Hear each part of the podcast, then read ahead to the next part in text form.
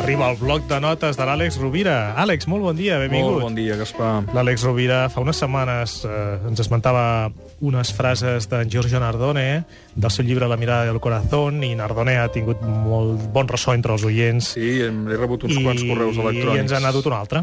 Doncs sí, perquè hi han hagut eh, eh, oients que, que m'han demanat a veure si podíem eh, treure alguna cosa més d'aquest llibre. Efectivament, n'hi ha moltes.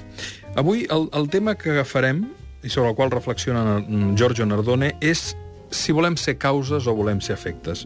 I ho diuen a les següents frases. Diu, és massa fàcil i pretensiós pensar que el món hauria de ser diferent perquè les coses vagin millor.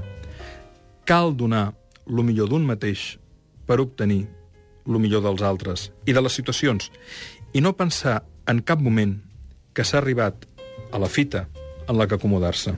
Viure significa estar contínuament exposat als possibles canvis, i afegeix, és a dir, que al fer-nos responsables de la interacció constructiva amb els altres partint d'una implicació real, sense pretendre que siguin els altres els que iniciïn el joc de la relació o els que omplin el nostre buit. Em sembla una reflexió molt interessant, és a dir, de vegades sents gent que es queixa del món, que es queixa de les circumstàncies, com si no fos d'aquest món, i com si les circumstàncies no les propiciés en part ell per acció o per omissió.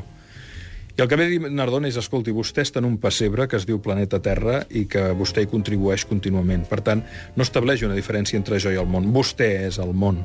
I si vol que el món sigui millor, vostè sigui el millor possible. I si vostè és el millor possible, està creant possibilitats perquè el món sigui el millor possible per un principi de resonància, d'empatia i de relació causa-efecte.